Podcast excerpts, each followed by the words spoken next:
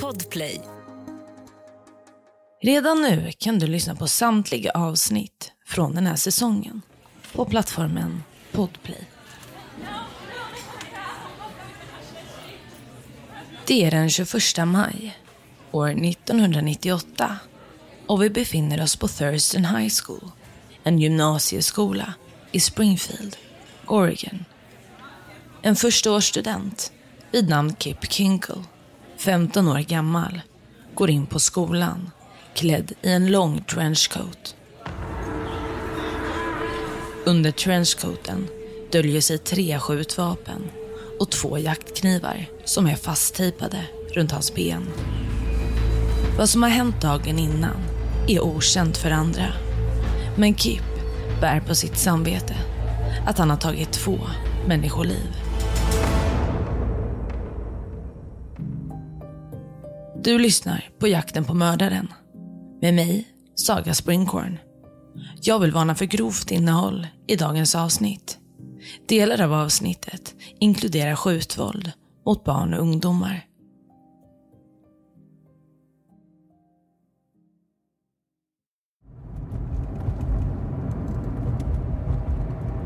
Det är alltså den 21 maj år 1998.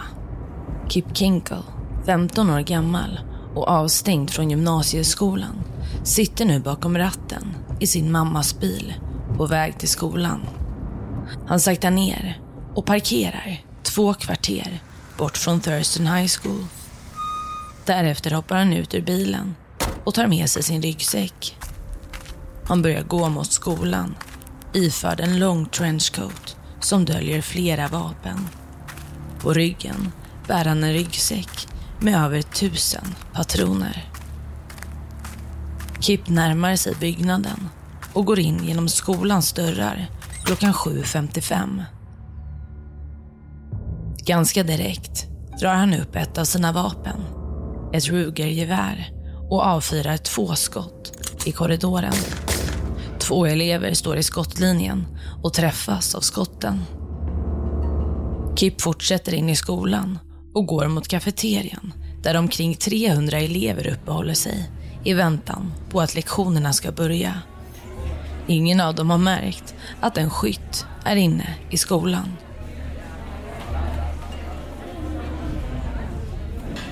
Det är till en början en helt vanlig dag. Lite för hög ljudnivå inne i kafeterian då så många människor samlats på samma utrymme. Plötsligt avfyras ett skott in i kafeterian och skotten fortsätter att komma. Elever gömmer sig bakom bord.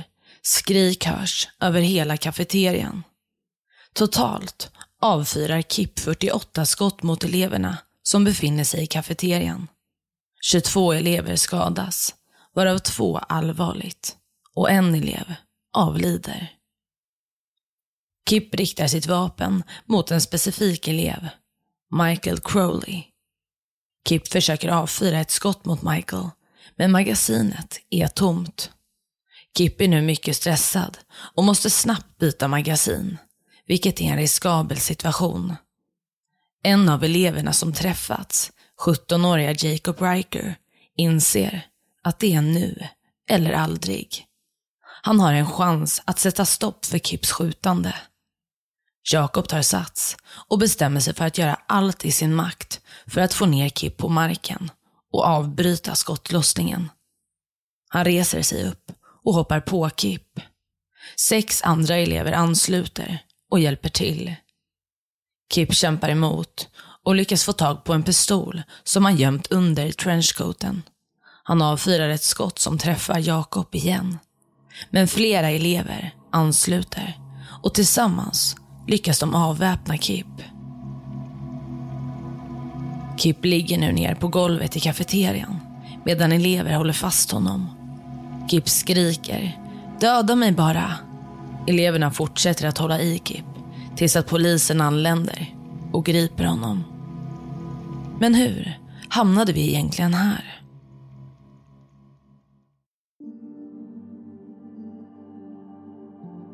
Kipland Philip Kinkle, också kallad Kipp i media, föddes år 1982 i Springfield, Oregon. Kipps föräldrar, Faith och Bill, var båda lärare. Kipp växte upp tillsammans med sina föräldrar och sin äldre syster, Kristin. I första klass insåg både omgivningen och Kipp själv att han hade det mycket svårt i skolan. Han fick kämpa för att hänga med och tvingades slutligen gå om första klass. Lärarna ansåg att Kip var omogen och låg efter i sin utveckling. I andra klass var det tal om specialundervisning. Men det visade sig att Kip inte var berättigad till det. Kip fortsatte att ha problem med att läsa och skriva. Han utmärkte sig dock i matematik. I tredje klass beviljades Kip specialundervisning, vilket visade sig vara mycket betydelsefullt för honom. När terminen var över hade han presterat betydligt bättre än tidigare. Med åren konstaterades det att Kip hade dyslexi och inlärningssvårigheter. Det här hjälpte Kip att förstå sig själv bättre och han fick en förklaring till varför saker och ting var som det var i skolan.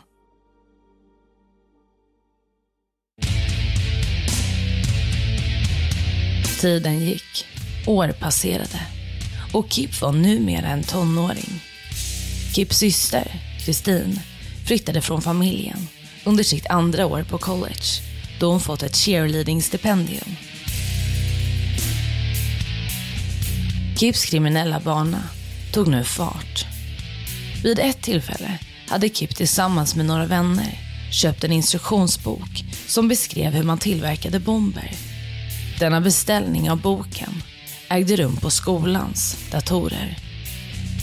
Senare åkte Kip fast för att ha snattat CD-skivor. Och år 1997 hade Kip och en av hans vänner kastat stenar mot en bil som körde längs en motorväg. En sten träffade bilen och händelsen rapporterades till polisen.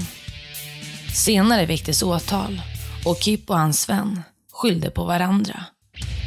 Det konstaterades att båda var inblandade i händelsen och Kip dömdes till 32 timmars samhällstjänst.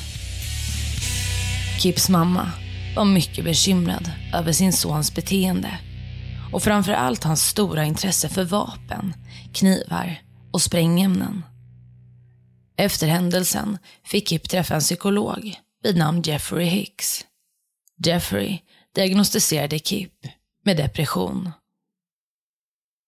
Under tonåren växer Kips intresse för vapen och sprängämnen. Kips föräldrar delar inte samma intresse, men de låter honom hållas. Ibland skjutsar de Kip till en skjutbana så att han kan öva på att avfyra skott. Skolgången för Kip fortsätter att vara kantad av problem. Vid en incident då han är 15 år gammal attackerar han en elev på skolan. Detta i nära anslutning till att han dömts för stenkastningen.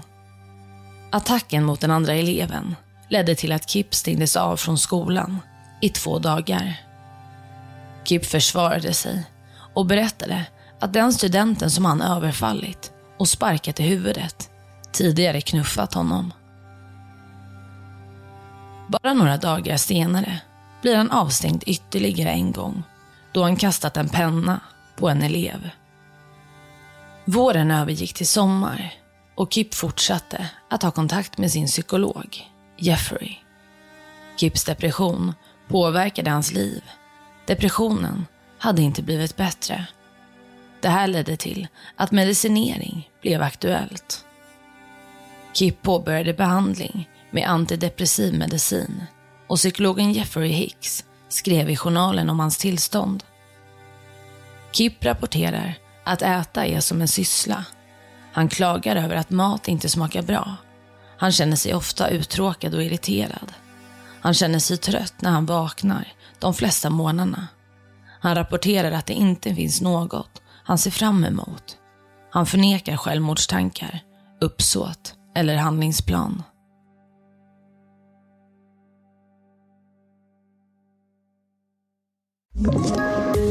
Poddtips från Podplay. I podden Något Kaiko garanterar östgötarna Brutti och jag, Davva, dig en stor dos skratt. Där följer jag pladask för köttätandet igen. Man är lite som en jävla vampyr. Man har fått lite blodsmak och då måste man ha mer. Udda spaningar, fängslande anekdoter och en och annan arg rant. Jag måste ha mitt kaffe på morgonen för annars är jag ingen trevlig människa. Då är du ingen trevlig människa, punkt. Något Kaiko, hör du på Podplay. Därför är gardinerna.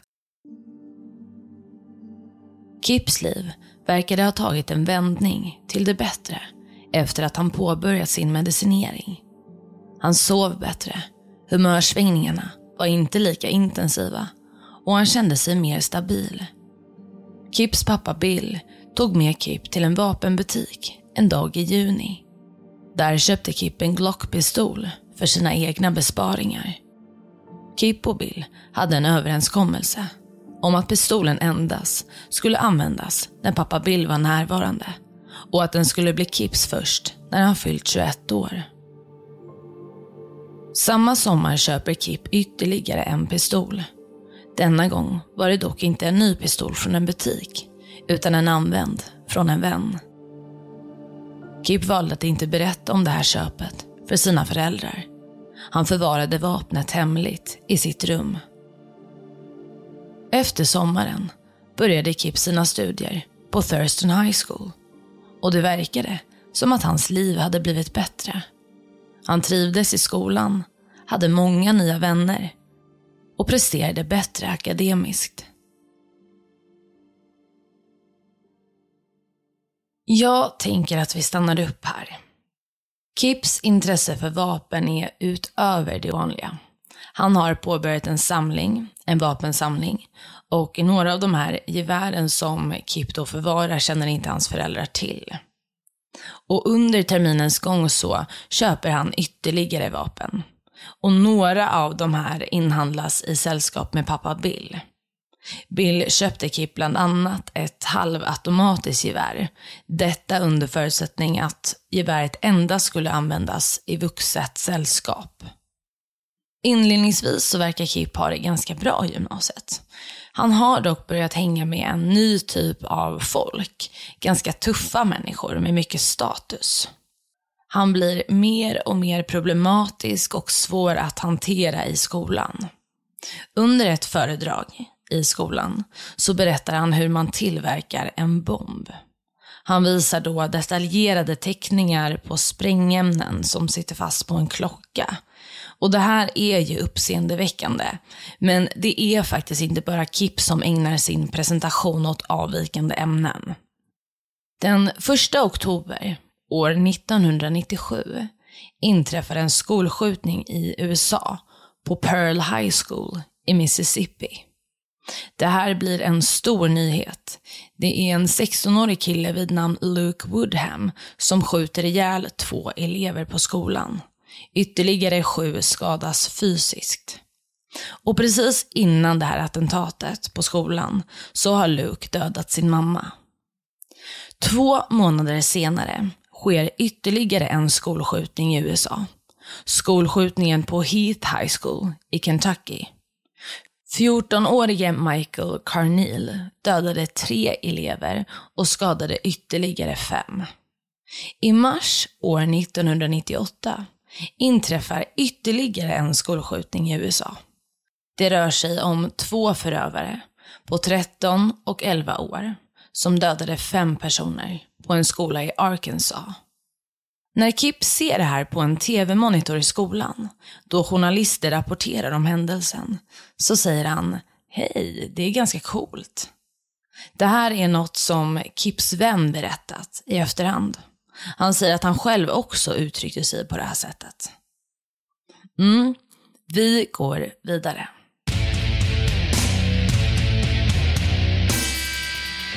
Den 19 maj år 1998 köper Kip ytterligare ett vapen. Denna gång av en vän. Den här vännen har stulit vapnet innan det såldes till Kip. Och det är oklart om Kip kände till det. Klockan åtta, dagen därpå, anländer Kip till skolan. Det är den 20 maj. Han har med sig 110 dollar i kontanter och köper nu ytterligare ett vapen. Det här vapnet lägger han sedan i sitt skåp. Samma dag så ringer en orolig förälder vid namn Scott Keeney till skolan. Han berättar att ett av hans vapen saknas. Det var det vapnet som Kip hade köpt dagen dessförinnan. Scott namnger några personer som eventuellt kan vara ansvariga för det stulna vapnet. På den här listan av namn finns inte Kips namn med. Den här dagen rör sig detektiven Al Worthen på skolan. Han försöker lista ut vem som kan vara ansvarig för vapenstölden. Det som är absolut viktigast för Al är att det inte finns något vapen på skolan. Han pratar med några barn och ungdomar och får vidare tips om att prata med Kip. Al kliver in i Kips klassrum och ber honom att lämna klassrummet för att samtala med honom. Kip följer med ut i korridoren. Al berättar att han undersöker försvinnandet av en pistol som tillhör en förälder till en elev på skolan. I samtalet med detektiven erkänner Kip att han har ett vapen i sitt skåp. Han grips nu omedelbart och förs ut ur skolans lokaler med handbojor. I samband med detta stängs han också av från skolan.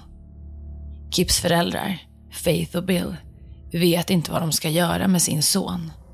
De förfäras av nyheten om att Kip förvarat ett vapen i skolan. De känner sig maktlösa. Runt klockan 15.00 åker Bill mot polisstationen för att hämta upp sonen Kip som sitter i förvar. När Bill och Kip kommer hem efter färden från polisstationen börjar de två att argumentera. Bill säger att Kip kommer att skickas till internatskola om han inte förändrar sitt beteende. Kort därpå går Kip upp till sitt rum och hämtar ett av sina vapen. Bill har vid det här laget satt sig ner vid köksbordet. Han dricker kaffe och har ingen aning om vad som väntar. Kip rör sig nu mot köket och riktar pistolen som han håller i sin hand mot sin pappas huvud. Han avlossar ett skott och Bill avlider omgående. Kip drar sin döda pappas kropp genom köket in i badrummet. Väl i badrummet täcker han kroppen med ett lakan. Timmar passerar. Klockan 18.30 kommer Faith hem, Kips mamma. Kip står och väntar på henne, högt upp i trappan, intill garaget. När Faith kommer fram till trappan säger Kip att han älskar henne. Därefter höjer han sin pistol och avlossar ett flertal skott åt sin mamma. Faith avlider. Kroppen placerar han i garaget och täcker sedan över den med ett lakan. Vi ska nu gå tillbaka till den 21 maj år 1998 då Kip kliver in i sin gymnasieskola och avlossar flera skott. Det här sker dagen efter att han tagit livet av sina föräldrar. Kip ligger ner på kafeterians golv. Han är fasthållen av ett flertal studenter. Han skriker att de ska döda honom.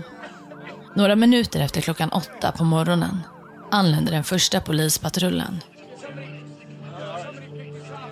15-åringen Kip grips. Kip är blodig i ansiktet. Den kamelfärgade trenchcoaten har spår av blod på sig. Kip bär handbojor när han tas med till polisstationen. Och på något sätt hade han lyckats gömma undan en av sina knivar. Kip förvaras i ett intervjurum och när en kriminalpolis går in i rummet reser sig Kip upp och riktar kniven mot mannen. Det blir en argumentation och Kip hotar med att skära sönder sina handleder. Ett poddtips från Podplay. I podden Något Kaiko garanterar östgötarna Brutti och jag, Davva, dig en stor dos skratt. Där följer jag pladask för köttätandet igen. Man är lite som en jävla vampyr. Man har fått lite blodsmak och då måste man ha mer. Udda spaningar, fängslande anekdoter och en och annan arg rant. Jag måste ha mitt kaffe på morgonen för annars är jag ingen trevlig människa. Då är du ingen trevlig människa, punkt. Något Kaiko, hör du på Podplay. Därför är gardinerna. Kriminalpolisen drar upp sin pepparspray och sprayar på Kip. I samma veva kliver en annan polis in i rummet och lyckas slå bort kniven ur Kips hand. Cirka en och en halv timme efter att Kip påbörjat skolattacken upptäcks Fate och Bills kroppar av tre polismän. I Kips hem finner man utöver kropparna flera hemmagjorda bomber, en granat och fyrverkerier. Ja, så Kip ska nu ställas inför rätta. Han är åtalad för 58 fall av grovt brott, 4 fall av grovt mord och 26 fall av försök till mord.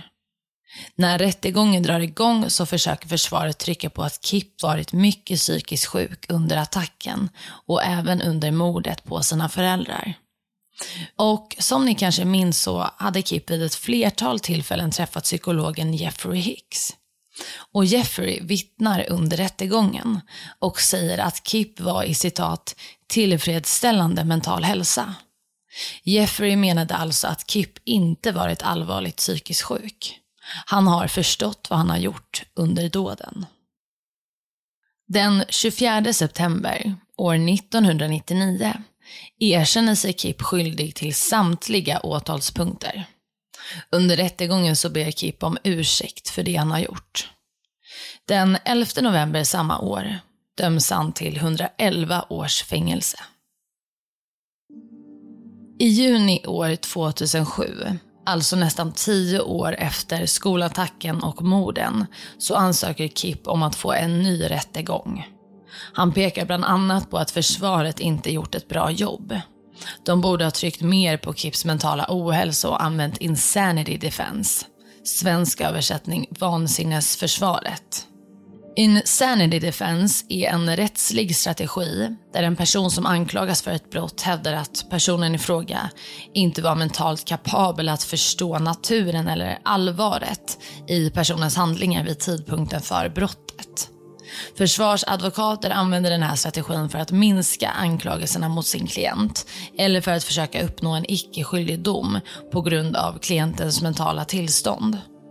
Om en domstol godkänner en persons anspråk på insanity defense kan den personen undgå fängelsestraff och istället placeras på en psykiatrisk anstalt för behandling. I Sverige kan en person som lider av allvarlig psykisk sjukdom vid tidpunkten för brottet dömas till rättspsykiatrisk vård istället för ett fängelsestraff. Så det här är ju väldigt snarlikt. Och KIP önskar ju då som sagt att få rättspsykiatrisk vård istället för att sitta i fängelse. I samband med den här ansökan om en ny rättegång så uttalar sig två psykologer som träffat KIP upprepade gånger. De säger att Kip uppvisar symptom på paranoid schizofreni. Psykologerna pekar på att Kip upplever hallucinationer och vanföreställningar. Kip har efter dåden och morden berättat om sina upplevelser som barn. Om de är sanna eller inte kan ingen annan veta än eh, Kip. Men han hävdar att han varit upptagen av vanföreställningar och hört röster som barn. Det var också på så vis han blev deprimerad. Han menar vidare att det var röster i hans huvud som fick honom att begå de hemska handlingarna. Hans föräldrar kunde se att något var fel, men de visste inte vad som var fel. Hans pappa Bill var skeptisk till mentalvårdspersonal. Han såg dem som kvacksalvare som fanns för att driva upp kostnaderna för försäkringspremier. Så Kip kände inte riktigt att han kunde berätta för sina föräldrar om rösterna som han hörde. Och det som Kip nu berättar i samband med ansökan om en ny rättegång bekräftas av två psykologer. Men två månader efter att ansökan skickats in så avslogs begäran av en domare i Marion County. Idag är Kip i 40-årsåldern och sitter fortfarande inspärrad bakom lås och bom. Han har vid några få tillfällen ganska nyligen faktiskt uttalat sig om händelsen. Han säger att han känner en oerhörd skuld för det han gjort och även skuld gentemot andra skolattacker som han eventuellt varit en del av att inspirera till. Skolskjutningar i USA fortsätter att öka och kalenderåret 2022 slog rekordet för flest skolskjutningar på över fyra decennier och markerade ett av de mest våldsamma åren för ungdomar i åldrarna 12 till 17. I debatten om skolskjutningar i USA finns det delade meningar om hur man ska lösa det här växande problemet. På en sida står förespråkare för skärpta vapenlagar och åtgärder för att förhindra skolskjutningar. Dessa personer hävdar att USAs vapenlagar är för lösa, vilket gör det för enkelt för personer att få tag på vapen, inklusive personer med psykiska problem eller som tidigare har begått brott. De förespråkar mer resurser för att identifiera och hjälpa personer som visar tecken på våldsamhet eller psykisk sjukdom, samt mer resurser för att förbättra säkerheten på skolorna. Andra människor hävdar å andra sidan att vapenlagarna inte är orsaken till skolskjutningarna utan att det är en kombination av faktorer som inkluderar mentala sjukdomar, social isolering, trauma och att unga människor har lätt tillgång till våldsamheter i media och videospel. Dessa personer förespråkar istället mer resurser för mental hälsa och sociala tjänster för att hjälpa personer som kämpar med mentala hälsoproblem. Och det här var allt för dagens avsnitt. Vill du komma i kontakt med mig så kan du skriva till mig på Instagram där jag heter Saga Springkorn. Eller mejla till jaktenpamordaren@springkorn.se. Tack för att du har lyssnat på dagens poddavsnitt. I nästa avsnitt av Jakten på mördaren kommer du kunna lyssna till följande fall. Klockan har precis hunnit slå 23.30 och säkerhetsföretaget Secureplex har fått in ett oroväckande samtal från en man som verkar minst sagt upprörd. Utanför mannens arbetsplats befinner sig ett tiotal stökiga ungdomar som alla verkar vara en aningen ostadiga under fötterna. Mannen förklarar för larmoperatören att han och hans kollega försökt tala ungdomarna till rätta men att det hela eskalerat och stämningen hade blivit hotfull. Om du inte orkar vänta och vill lyssna på avsnittet redan nu så kan du göra det helt gratis i appen Podplay eller på podplay.se. Podplay, en del av Power Media. ett poddtips från Podplay. I podden Något Kaiko garanterar östgötarna Brutti och jag, Davva, dig en stor dos skratt. Där följer jag pladask för köttätandet igen. Man är lite som en jävla vampyr. Man har fått lite blodsmak och då måste man ha mer. Udda spaningar, fängslande anekdoter och en och annan arg rant. Jag måste ha mitt kaffe på morgonen för annars är jag ingen trevlig människa. Då är du ingen trevlig människa, punkt. Något Kaiko, hör du på Podplay. Därför är gardinerna.